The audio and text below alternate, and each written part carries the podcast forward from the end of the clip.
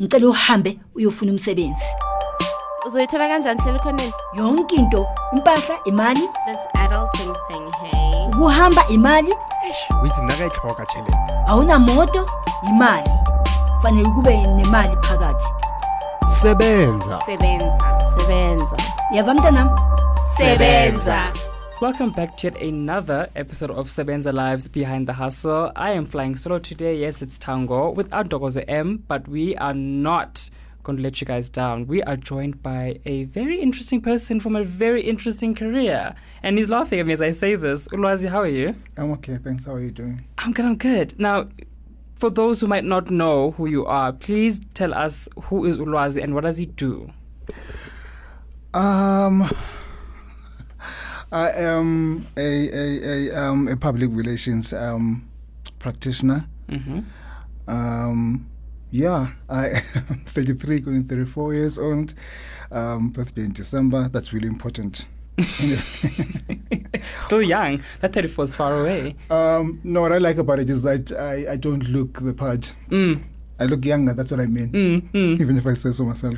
So I've been working in the industry for this. In June is going to be my tenth year. I trained as a journalist, right? Mm. I studied and graduated um, as a journalist in East London, Walter Univers- Walter Sisulu University, and then worked as a journalist for two years, and I sucked at it.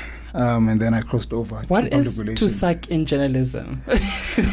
because because okay i loved writing right and i Uh. think that's part of the reason i joined uh, uh look it was my second option from being a lawyer and stuff i didn't qualify for that and then i chose the second option which was nice i was good at writing. I still am good at writing right? And we tend to assume that for you to become a good journalist you need to be a good writer you know? And now that i've actually been in the industry for so many times for so many years hmm. you get the understanding of um, so many facets of each industry actually. It's more than just writing you know? And then also i worked in understanding thinking that yes i was good at writing therefore i can work for true love magazine for sunday times and business report you hmm. know? Hmm. I didn't understand that there's a skill behind each one of these kind of things you know and i didn't know that you know and unfortunately for me i got um, to learn that the hard way and in the industry and again which was said was the fact that i didn't have um, a starting point where there were people um, professionally who were there to train or help me get a sense of what I need to do Mm. writing wise, you know. But with that said, um, I didn't. I wasn't good at it, and everyone around me knew at work. Even my editors knew this because Oh. um, when my contract second time around expired, she kept on giving me these business cards for public relations agencies Uh, to give them a call. And I did, and I got the job, and that was the beginning of a great thing. now, now, I mean, you were able to see after quite a while that okay, journalism isn't for me. Now, what is it about public relations and communication that really spoke to you? oh, I love the fact that I've been fortunate enough that um, I found an industry, or it found me, um, an industry that that that that that speaks to my personality as well. Right? I love dealing and working with people from different um, walks of life, right? And this is what this industry, public relations industry, has actually afforded me, you know. Um, and again, I was blessed enough to have worked um, on different types of, of, environments and professional environments. I mean, from public affairs to lifestyle now to banking to mining, you know. Um, so in that, with that, you, it, comes with different types of people that you deal with. You know, really, really, really owned and mature people and experienced people to um, musicians who are talented in their own rights, actors and actresses. You know, um, people who are creative in creative arts, and it, it's quite amazing. You know, so it got to teach me um, a lot about the kind of person I am in terms of dealing with um, Abantu and it speaks a lot to my personality and I don't know how else to explain it. and also what's important is the fact that all these things that I thought I loved and that made me go to journalism, I found them in public relations. The writing is here, you know, and then the dealing with people is actually here, you know, and it's it's it's, it's fun. Not necessarily glamorous as everyone thinks and makes it out to be, but I enjoy it. Let's jump into that. What what what is the unglamorous side of, of your of your The job? admin, my goodness, it's too much. It is too much. Um, we invite you guys to events, and when you bump into us at the main entrance, you you you, you walk in and you see um, the decor. You see us smiling and sometimes looking good and happy, and you walk and you actually experience a really really nice event, you know, and you walk out having loved the event or didn't like it, but at the end of the day, you look at it and you see a complete package.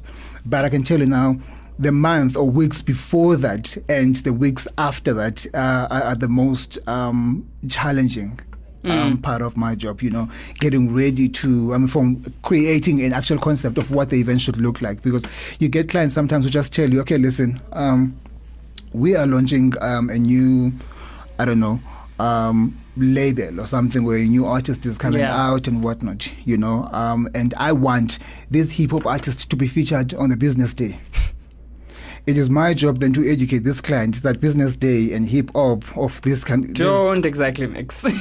you know and then for me to convince them i need to come up with a creative concept to say listen this is what you want out of this person and then um, this is what i believe would actually work and obviously this is based on my experience having worked with other artists if I'm, coming, I'm coming from that background, right? Mm. So me convincing the clients that using launching a hip hop artist on business day is not going to work has to be met with a creative idea that I'm selling the client. That on its own is admin. It doesn't just come. It, it doesn't just come randomly you know there's thinking around it there's strategic planning around it you know and obviously all of this has to be aligned with with um, that um, particular brand you know. And that takes so much you know and that takes so much research reading sometimes and watching so many things that you don't necessarily um, enjoy but you get to like as and when you go right? That takes so much work getting the approvals and inviting the media. Oh my goodness. Sometimes it's going to be exciting if they like that type of content, but sometimes it's not necessarily going to be um, um, something they enjoy. But you know for a fact that it takes them, they need to get there to actually get an understanding of, of, of what that um, event will look like and if whether or not it will fit into their content, you know.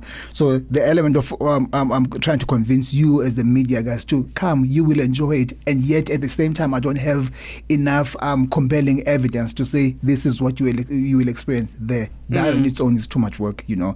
And then, so now it's managing the media, it's managing the client's expectation, it's managing my boss's expectations, you know, um, which is a lot, you know. And then you get this full package, which is nice. And yes, we will all enjoy, even on the day of the event, at the event itself, you won't necessarily enjoy it, but because you're managing these exact uh, same um, stakeholders as well and making sure that everyone is fine, everyone is happy. And people always say, uh, I come across as if I'm panicking. It's actually generally who I am. I don't panic, but I just let them Is that one okay. of the qualities you'd say that are really key to being a, a great person in PR? paying attention, I would say, Mm. is everything. You know, um, paying attention to, uh, to, to, to, to, to, the people around you and listening, you know, and obviously following all the trends there is to know, you know. Mm, Not necessarily um, in your own space. If you're in lifestyle, you don't necessarily have to box yourself within that. Just read and pay attention to everything that is trending, you know, at the time, because you might never know what's coming down the, um, the line for your campaigns or you what you might actually have to tap into creative wise, you know. Um, so you just need to open up yourself to that, you know. And that's really, really what I think has kept me and many other people who work in the industry um, good at what they do, you know. So you just need to put your, your ear on the ground and make sure that you are always alert and reading is everything. And being, I mean, you don't necessarily have to read um, the Tiso Black Star newspapers and publications. You need to tap a way around that so that you know, okay, fine. What, and also getting an understanding, this is an important one for me an understanding of, of, of why, for instance, can I not feature a launch of a cup um, on business day, you know, and why do I need to use Sowetan or SMAG, you know what I mean? And uh, for me to understand that, it means I have to get a, a sense, a good relationship scale with you as a writer of that publication because it will give me a much more better insight. And then obviously understanding the type of content that you guys go for, you know, generally, you know, and that's what spoon feeds um, the type of content that you send out there, you know. So just being curious, I guess, um, feeds so much into um, a skillful professional in PR. I think. I mean, there's so many other things that I can't think of now. I can see like there's this river flowing out. of, Like there's so much that goes into this. yes, you know. But we loved about something earlier on um, about how the, the relationship between you guys and media. Um, I mean, what is that like? What is there contention? Is when it's not contentious? What is it? What keeps it flowing well? Look, I, I, I, I, I Deep sigh that wants to come out of that one.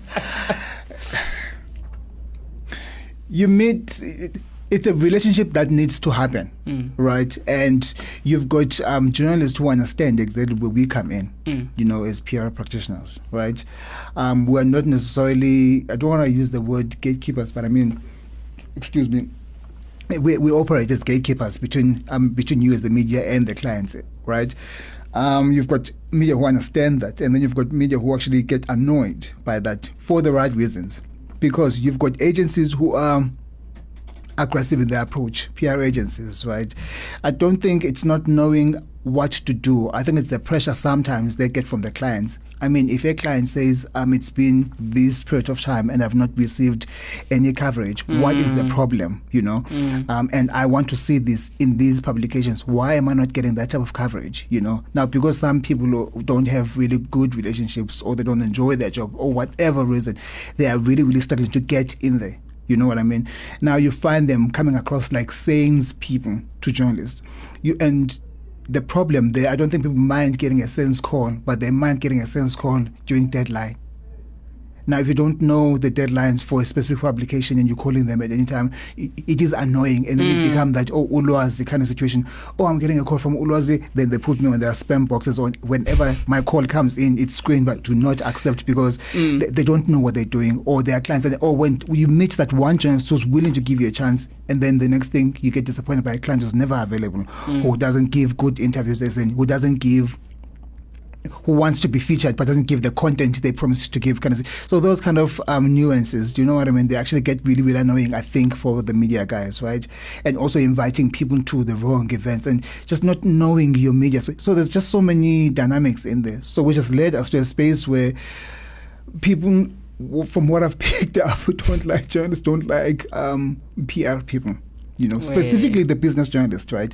They just, if you are in PR, they just, oh my goodness, here they come. You know, we always smiley, and then we never, they really never see our use essentially. But I think in some aspects, lifestyle and uh, media kind of understand where we come in, you know, because in many cases, or at least in my experiences, we've helped so much in terms of getting them the type of content they want. Because my client might not necessarily understand what needs to be featured or what can be featured on Sowetan, but I understand it, and it's my job then to feed back to them to say, listen, this is not going to work for them. And now, because I've got a good relationship with some of the media guys, they know for a fact that if I say I need you to speak to someone in this lifestyle space, they know I won't bring you into that space um, if that won't work for you. Then it becomes a question of will they give me the type of content I want that my readers would want to tap into, you know. So there's those kind of back and forth, and then one of the things we are talking about earlier is the fact that there's, there's a, because I mean we're human at the end of the day. You know, I go through a lot of things with my employer and my Yeah, clients. Sometimes yeah. you might not catch me um, at the right time on a Wednesday, for instance. You know, but like I was saying. PR people, we hardly say today is not the day. Do not uh, mess with me. I am forced to actually be nice and give you what you want, or fight to actually get you what you want. But now, when the roles are switched and you are going through the most, you can actually tell me off at any given time, and I will take that, right? But now, if the next second you decide to come back to me and ask me for something, I can't go back to you and say, no, I'm still actually upset over. You, you, there's no room for feelings for us. Yeah. Whereas for you guys, we had, we can actually just allow that, you know, um, for that to, to to to happen. Like I was saying to you earlier, that my colleagues and I were talking about it early this morning. This thing of you sometimes we make mistakes. Mm. Right, um, I mean, with all these these, these these these these things that are happening in the journalism space right now with the media groups, right? So now you are concerned because you and I have formed not necessarily a personal relationship, but I mean, I care to know. Okay, fine. How are you feeling today based on whatever is happening in your space? You know, mm. because I need to know: can I talk about work? Can I not talk about work? Kind of mm. situation, you know. And then when I'm asking you how are you doing, and then you switch me off like that, then I don't know. Oh, okay. But now some, something happens from your end where you are told to actually go back to me and ask for something. You can be Yeah, nice or pretend to be nice. I will take it. And I want to ask you because the fear, I think, is that if I ask you and then it becomes a thing, my client, my employer is actually in ruined, uh, ruined, and then the relationship with my my client as well is actually messed up. You Mm. know, so there's there's a, there's a you guys are allowed to get personal with us, but we're not allowed to get personal with you. Not that there's a we're supposed So to be invisible with each other. barrier around it. Uh, Yes, you know what I mean. Um, so I think it's just a matter of respect all around. You know, um, one of the things. Um, look, and at the same time, we've learned so much. One of the things that um, Emmanuel likes to say because we, we sometimes can overstep. When you're pitching a story to someone, then they're like, "Oh, you know what? Send me the press release," and then you send it to them. But now, what you do is you say, "Okay, listen, these are the points you can focus on." So essentially, I'm telling you what to do in your job, Mm. right? Emmanuel doesn't like that. This is Emmanuel Tjiya, one of our writers. Emmanuel is I said, press release. Don't tell me which angles I should, I should, I should approach. It is Mm. my, I know what I want. Just give me the content I need. So you telling me what to do is just actually just annoying because you can imagine you've got so much pressure as well from your end or from your bosses where they tell you, okay, fine, this is the angle we're going for, and then there's always telling you, nope, don't go with that. Here's a story that will sell. You know, so it's just small things that just need us to be patient with each other and a level of understanding. And as much as we read and study so much more about the media landscape and hopefully we can get the journalists to actually just understand as well that sometimes we don't just decide to I want to do this with so clients are demanding they want what they want when they want it you Mm. know I mean the one time we were told by a client that um we have not seen uh, we have not been featured on a specific platform why is that and we told them they declined because this type of content does not speak to the audience and then they were Mm. like we want that decline in writing Now, I'm getting a sense that that's one of the most common problems with clients. that They don't quite understand what kind of um, publications best work for them. Mm. What other issues you usually find with clients? that being um, one of them and sometimes it, it gets really for me personally it really really gets frustrating um, especially when your client is someone who used to be a journalist Mm. like, it really really baffles me like you, you know how this thing works so how do you now not know Uh. that you can't you know what i mean and um, so that and when our job essentially is to be trusted advisors to our clients right so it really gets um, tricky when you then provide counsel to client and then they blatantly just refuse it and they come back with an alternative which you know for a fact won't work Mm. you know. Um, but I mean, look, it's about structure within our teams in general. I think from an agency perspective works so well because if I struggle and if I don't win with my as an account manager with a client, then I, I start tapping internally to say my team, okay, listen, this is the challenge I've got. Is it perhaps the way I speak to them that doesn't make sense to them and whatnot? Then the more you go up the ranks to see, then sometimes an issue of, um, for instance, personally, one of my weakest points is that I take forever to get to the point, right? Because I think it's the English language. But sometimes I think because of that, some people really lose the interest or understanding of what I'm saying. So then if I tap into my colleagues to say, okay, guys, this is a challenging a challenge I've got. How can I help and whatnot? And then if someone says the exact same thing to the exact same client, then they understand it and then they agree with it. Do you know what I mean? So understanding ourselves from a PR perspective and where we fall short Mm. is a beautiful one before we actually blame the clients, you know. But it really gets frustrating when the client doesn't want to accept that um, the media landscape has changed. Mm. You know, um, I mean, the, the, the, the, the, if you look at the media landscape now, I think back to five or even 10 years ago, it's not, the newsrooms are not as packed as they used to be. Mm. Now you find one journalist actually doing three different bits, whereas we come from a school of um, Thango is, is, is an education reporter, um, this Mm. one is actually a lifestyle. Nope, you find people actually just doing um, a large number of things. And it is my job from a PR perspective to know that. And once I know that, I go back to the client and say, okay, listen, um, this is what has happened. Now they've changed, the structure has changed, and therefore this means we need to be really, really, really careful. Yeah. Which speaks again to this en- entire concept of press conferences. You can't launch everything doesn't necessarily mean physical presence. Yeah. You can launch something without having 20 media there.